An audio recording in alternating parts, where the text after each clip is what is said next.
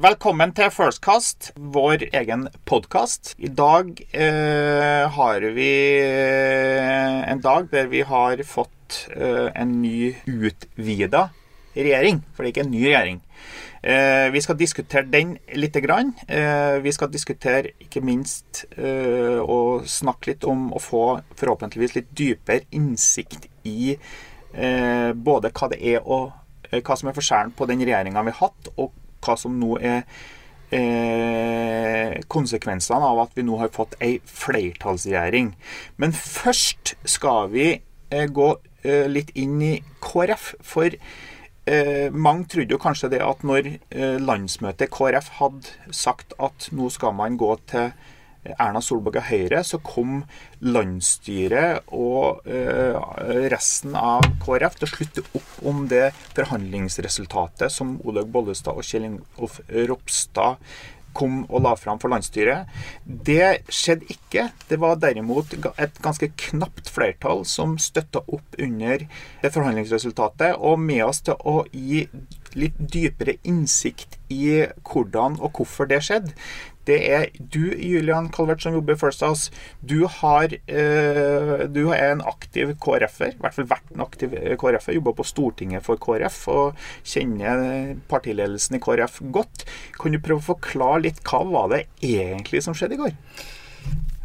Nei, Det vet vi jo ikke helt ennå, men det tyder jo på at det har vært et kuppforsøk. Eh, hvor den røde siden har prøvd seg på en omkamp når man da skulle beslutte om man skulle gå inn i regjering eller ikke regjering. Og det hadde vi jo egentlig ikke forventa, fordi landsmøtet hadde sagt tydelig at man skulle undersøke muligheten for regjeringssamarbeid, og at eh, KrF skulle gå inn i den regjeringen, lå underforstått under det dersom man fikk tilstrekkelig politisk gjennomslag.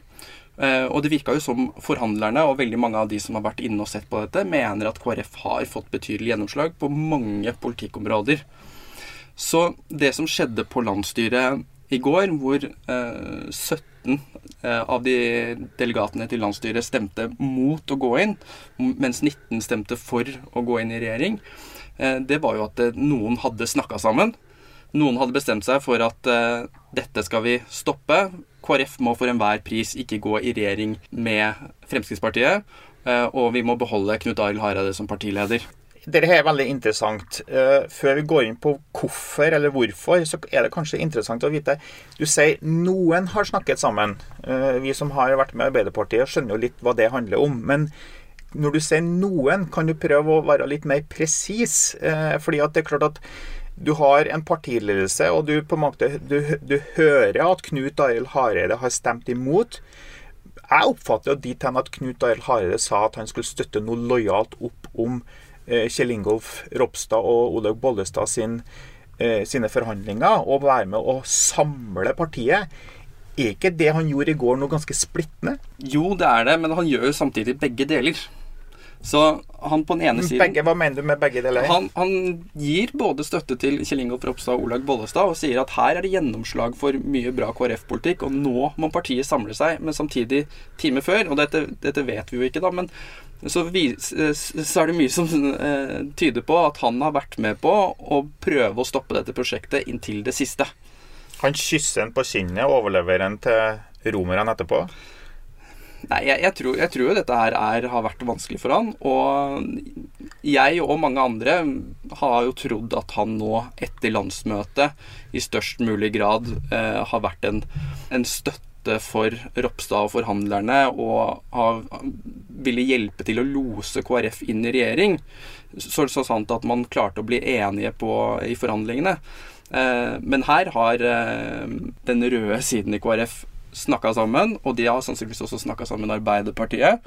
Eh, Tror du at, Kjellingo, nei, at Knut Arild Hareide og Jonas Gahr Støre egentlig har hatt en plan om å kuppe det hele?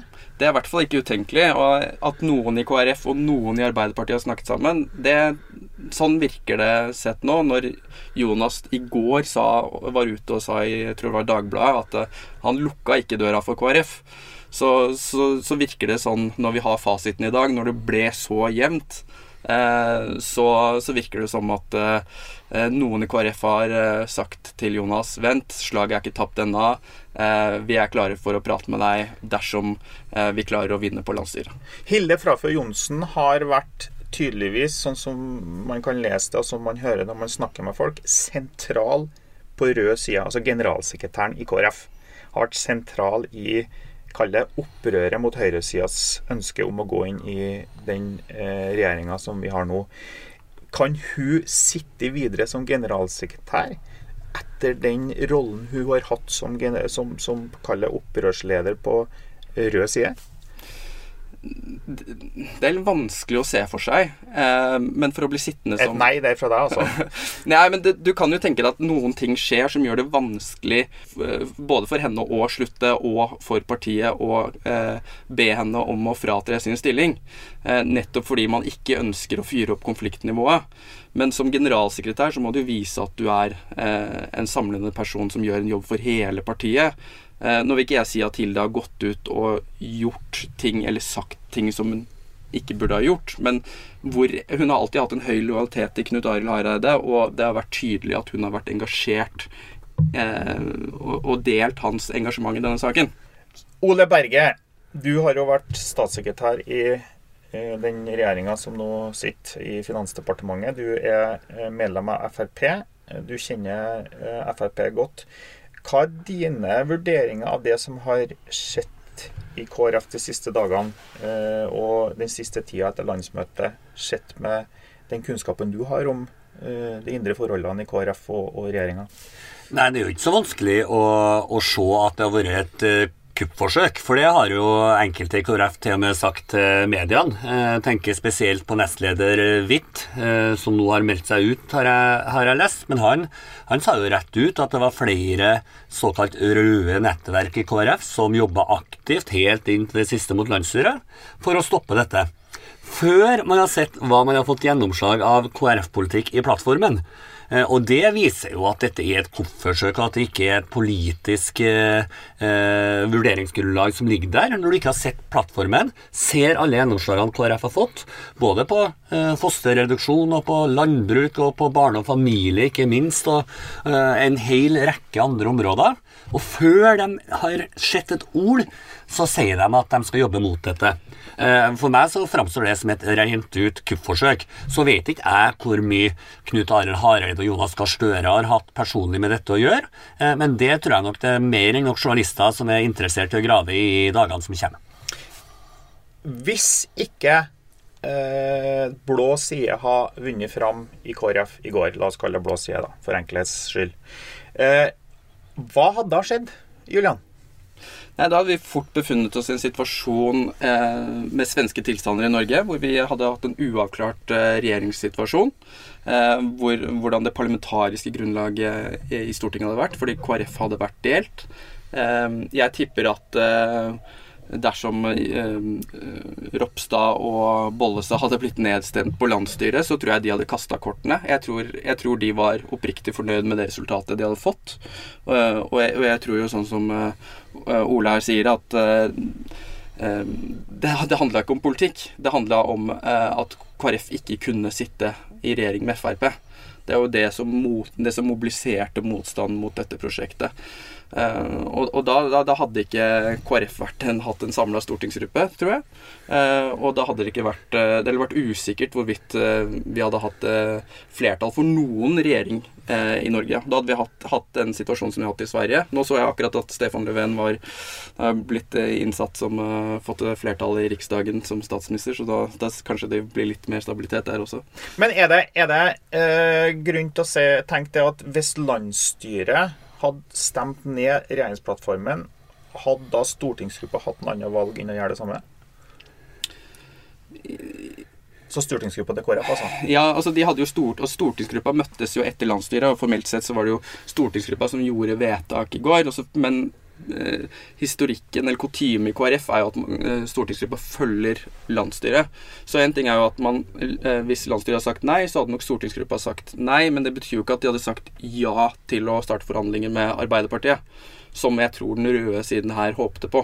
Hadde, eh, Ole, kort før vi skal over til bare litt kjapt på hva konsekvenser det har å ha en flertallsregjering kontra en mindretallsregjering. Men hadde, tror du den regjeringa som til nå har sittet, kunne ha levd med en, et uavklart forhold knytta internt i KrF ut denne stortingsperioden? Jeg tror det har blitt vanskelig. Eh, man har gjort Tror du at, du tror med andre ord, kanskje, tror er det du sier, at den regjeringa da hadde måttet gått av i løpet av perioden? Ja, jeg, jeg har på følelse Nå, blir jo det hypotetisk ettersom KrF eh, går inn og man får en eh, flertallsregjering, men jeg ville ha sett på det som vanskelig for denne regjeringa å sitte med et eh, helt fristilt eh, KrF i opposisjon i to og et halvt år til, hvor regjeringa legger fram eh, sine enighetspunkter og blir nedstemt på en del sentrale punkter i Stortinget, fordi at KrF kunne ha samarbeida med Senterpartiet, Arbeiderpartiet, og Miljøpartiet og SV osv. Eh, og da tror jeg det har kommet til et tidspunkt hvor eh, Erna eller eh, et av de andre partiene eh, har sagt at eh, nok er nok, nå må vi stille kabinettspørsmål. Og hvis eh, KrF vil ta ansvar for å kaste denne regjeringa til fordel for Jonas Gahr Støre som statsminister, så får de ta det valget. Det tror jeg hadde kommet til å skje i løpet av eh, den perioden som er igjen fram til 21-valget. Viktig veivalg som blir gjort i KrF der, altså. Eh, men hvis vi nå skal slutte å være hva heter kontrafaktisk, men faktisk eh, å liksom tenke hva kunne ha skjedd, skal vi, eh, i, i- hvis det er noe annet resultat har kommet, skal vi nå prøve å snakke litt om hva er nå, hva vil være forskjellen, Ole, på den mindretallsregjeringa som vi har hatt, og den flertallsregjeringa vi sannsynligvis får fra tirsdag av? Hovedforskjellen er at det som regjeringa legger fram for Stortinget, har et parlamentarisk flertall og blir vedtatt. Eh, Det betyr at Stortinget har mindre makt per definisjon, eh, og at opposisjonen spesielt har mindre muligheter til å få gjennomslag for politikk som denne regjeringa er uenig i. Eh, For de enkelte partiene så betyr det at de seirene man nå har fått i denne plattformen, blir gjennomført, og risikerer ikke å tape de sakene i Stortinget. For FrPs del for eksempel, så betyr det at eh, reduksjon i bompenger, eh, nedtrapping av eiendomsskatt, eh, noen innstramminger på innvandringspolitikken, som er veldig viktig for Frp, det har tidligere kunnet blitt nedstemt av flertallet i Stortinget, selv om man hadde det i Jeløya-plattformen, selv om man hadde det i Sundvolden-plattformen. Nå blir det gjennomført. Og for KrF også. Eh, F.eks. da eh, den såkalt tvillingabortsaken. Hvis eh, KrF hadde sittet i en mindretallsregjering og samarbeida med f.eks. Høyre og Venstre, som var plan A i 2013 og eh, 2017, fått gjennomslag i plattformen for tvillingabort, så har det blitt stemt ned av Stortinget etterpå. Nå blir det gjennomført fordi det er et parlamentarisk flertall bak det. Men- så eh, Det er den ene forskjellen. Den andre forskjellen er at politikk lages på en annen måte. Eh, at det er eh, mellom departementene, de fire regjeringspartiene, diskusjonene går. Litt mindre synlig for offentligheten, for at dette skjer eh, mer lukka eh, prosesser. Eh, saksbehandling i departementene osv. Det betyr at politikken lages på en annen måte nå enn hva det har gjort mellom 2013 og 2019. Ja, bare, jeg skal bare skyte inn et spørsmål, fordi at jeg selv har jo sett vært i flertallsregjering. Og eh, noe av utfordringa der var jo ofte hvordan involverer du Stortinget, altså flertallsrepresentantene, i beslutningene. Eh, og til å begynne med så hadde man ikke gode rutiner på det. sant? Så Da fikk du jo situasjoner der SV-ere demonstrerte på eh, mot sin egen regjering så fikk man eh, rutiner på hvordan beslutningsstrukturene skulle være. Og det gjorde jo at statsråden måtte involvere fraksjonene, altså dem som satt i de ulike komiteene fra regjeringspartiene, på et tidligere stadium før man fatta beslutninger. Det var det ganske strikte regler på. Og så fikk man regjeringas underutvalg, som tok flere og flere beslutninger. Har man i eh, den konstellasjonen som er nå, tenkt gjennom den problemstillinga laga rutiner på det på forhånd? Eh, og, har, og det andre spørsmålet er hva blir nå underutvalgets rolle? Fordi man har jo skrytt av at Erna har jo skrytt veldig av at hun har, har hatt en regjering og ikke et underutvalg som har styrt eh, landet. Tror du at man nå får mer makt til underutvalget og mindre til selve regjeringa? Dette blir noe av det som blir spennende å se. Eh, Men til det første delen av spørsmålet ditt, dette med rutiner, så, så har denne regjeringa, sånn som jeg kjenner til det, eh, allerede en god del eh, rutiner på dette. Man På hvordan man skal involvere Stortinget? ja, man møter altså eh, Justisministeren møter justispolitikerne fra regjeringspartiene en gang i uka.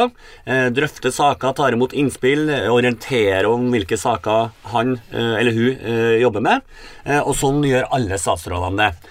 Og da får jo stortingsfraksjonene til regjeringspartiene være med i prosessene på en god måte. Men vi, vi hadde jo, det, i den, i den rød-grønne regjeringa så var det jo sånn at før statsråden la fram saker for Stortinget, så måtte han ha diskutert det med de tre eh, partiene i de ulike regjeringsfraksjonene. Er det sånn i den regjeringa som sitter nå? Ja, men det har det vært nå. Selv om det har vært mindretallsregjering, så har man orientert eh, det man kan orientere om. Noen saker er konfidensielle som man ikke kan orientere om. Eh, spesielt som går på dette med eh, økonomi og børssensitive opplysninger osv. Selvfølgelig så følger man eh, alle, eh, alle, formaliteter og lover for hva man kan si. Eh, men så langt det er mulig, så har man forsøkt å involvere de såkalte R-fraksjonene på Stortinget, altså regjeringspartiene sine stortingspolitikere, på sitt fagfelt. Mm. Eh, til det andre, om underutvalget blir mer relevant nå, det tror jeg nesten er et av de mest spennende spørsmålene spørsmålene for oss politiske nerder. Klarer disse fire partiene å samarbeide så godt at det ikke er bruk for dette underutvalget så veldig ofte, som det var eksempelvis under de rød-grønne på slutten, spesielt kanskje? Eh, eller eh, er det så mye politiske uenigheter og, og mellom partiene, mellom partiene at underutvalgene, som da består av partiledelsen i, eller partilederne i de fire partiene, så blir jo litt spennende å se hvordan KrF løser det, ettersom Bollestad nå er konstituert som eh, partileder partileder inntil landsmøtet, eh, mens eh, Kjell Ingolf Ropstad framstår som den eh, reelle lederen i, eh, i, i, dette prosjektet. Så hvem av de som sitter i forhandlings- eller underutvalget, hvis det blir et veldig aktivt underutvalg, er jo også spennende å se. Siste spørsmål til deg, Julian, før vi runder av her. Ehm, jeg har jo erfart sjøl at eh, delt lederskap en, kan være en katastrofe. Altså, Torbjørn Jagland var partileder, Jens Stoltenberg var statsminister. Aldri har vel eh, Arbeiderpartiet vært mer, vært mer dysfunksjonelt. Aldri har det gått dårligere valg. Kan KrF lide nå samme skjebne? Jeg tror ikke det, og jeg tror heller det at eh, Olaug Bollestad nå fungerer som eh, leder i KrF, er en, mulighet, en, siste mulighet for partiet å faktisk eh, slutte opp om dette prosjektet eller ikke. Ved at, eh, ved at man velger, aktivt velger Kjell Ingolf Ropstad som eh, leder på landsmøtet. Da vil han ha konsolidert makt hos seg. Eh, alternativet Olaug har støttet det, den linjen. Eh, alternativet er jo at partiet velger å si nei til Kjell Ingolf Ropstad som eh, leder, og da vil jo det gi økt usikkerhet om fremtiden for KrF, for da, da er det jo ingen eh, klare lederkandidater. Blir Kjell Ingolf Ropstad valgt som ny leder i, i KrF til, til, våren? Alt tyder på det. ja eller nei? Ja, jeg tror det er, det er en overvekt sannsynlig at det skjer. Men det blir spennende å se om lufta går ut av ballongen på rød side nå, eller om det er tilstrekkelig med kraft som, som eh, ønsker å påføre blå side da, i KrF et nederlag til. Da får det være siste ord fra oss i podkasten her. Takk for oss.